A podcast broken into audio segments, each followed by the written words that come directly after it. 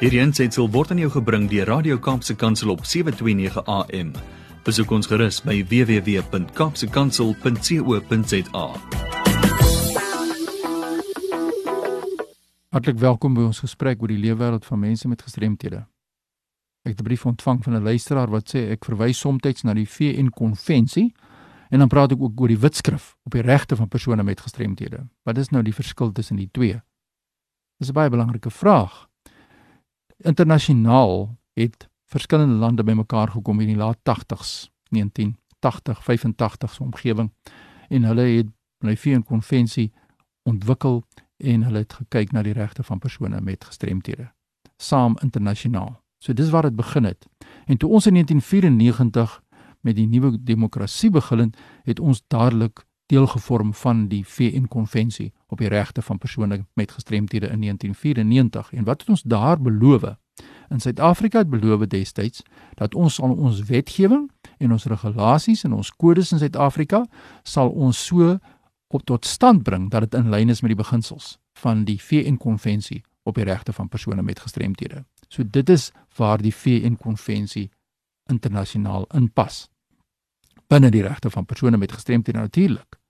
Maar toe Suid-Afrika nou begin om sy nuwe wetgewings in plek te sit en ook gestremdheid aan te spreek soos die wet op gelyke indiensneming en baie ander wetgewing wat daarmee saamgaan en daar sekere wetskrifte ontwikkel is soos die wetskrif 6 oor opvoeding en ook het daar 'n wetskrif ontstaan wat dit nou vandag die wetskrif op die regte van persone met gestremthede is wat in 2015 deur die kabinet onderteken is. So dit is die Suid-Afrikaanse weergawe van wat die VN konvensie op die regte van persone met gestremthede vir ons sê wat wat ons moet doen. So in Suid-Afrika, om die vraag te beantwoord, is die wetskrif op die regte van persone met gestremthede die offisiële disability policy, die gestremdheidsbeleid wat elke persoon in hierdie land moet ken elke persoon moet toepas in Suid-Afrika of jy nou 'n werkgewer is en of jy nou 'n werknemer is en of jy 'n ma of pa van 'n kind met 'n gestremdheid is of jy onderwyser is en of jy nou die president van hierdie land is almal is onderhewig aan hierdie beleid wat goedgekeur is deur die kabinet in 2015 en dit is die pragtige boodskap dat die wetskrif en ek haal aan uit die wetskrif sê dit updates South African 1997 White Paper on an Integrated National Disability Strategy. Hier in 1997 is daar sekere dokumente op die tafel gesit. En 2015 se dokument het dit heeltemal nou verander en dit is nou die nuwe ding wat toegepas moet word. Maar wat is die inhoud van hierdie wetskrif op die regte van persone met gestremthede?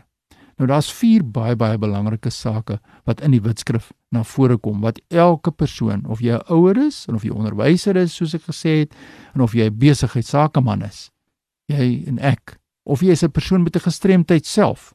Moet verstaan en ek haal die Engels aan daar's vier konsepte. Die een is impairment. Die tweede is disability. Wat is disability? What is disability? Die derde is who are persons with disabilities and what is reasonable accommodation? Wat is redelike toegang, redelike akkommodasie? Ons begin by impairment. En in 'n volgende program gaan 'n bietjie meer detail gee oor van hierdie sake en ek dink ons kan eerstens by impairment begin. Impairment is 'n verlies. Soos ek het verlies, ek het gehoor verlies. En hierdie gehoorverlies van my is totaal van aard en dit lei tot die feit dat ek 'n persoon met 'n gestremdheid is. Hoekom? En ons gaan in 'n volgende program bietjie daaroor gesels want baie luisteraars vra daardie vraag vir my. Nou die wetskrif sê as ons kyk na impairment, impairment is a perceived or actual feature in a person's body or functioning that may result in a limitation or a loss of activity or a restricted participation. Nou ek gebruik altyd my gehoorverlies as voorbeeld. My impairment is sensories van aard, sensorieuraal. Die haarsel is beskadig en as gevolg van akoestiese trauma in die weermag en ek kan nie hoor nie. Dis my impairment. Dis my verlies, dis sensories van aard. So kry jy, soos ek gesê het, vyf ander forme van verlies.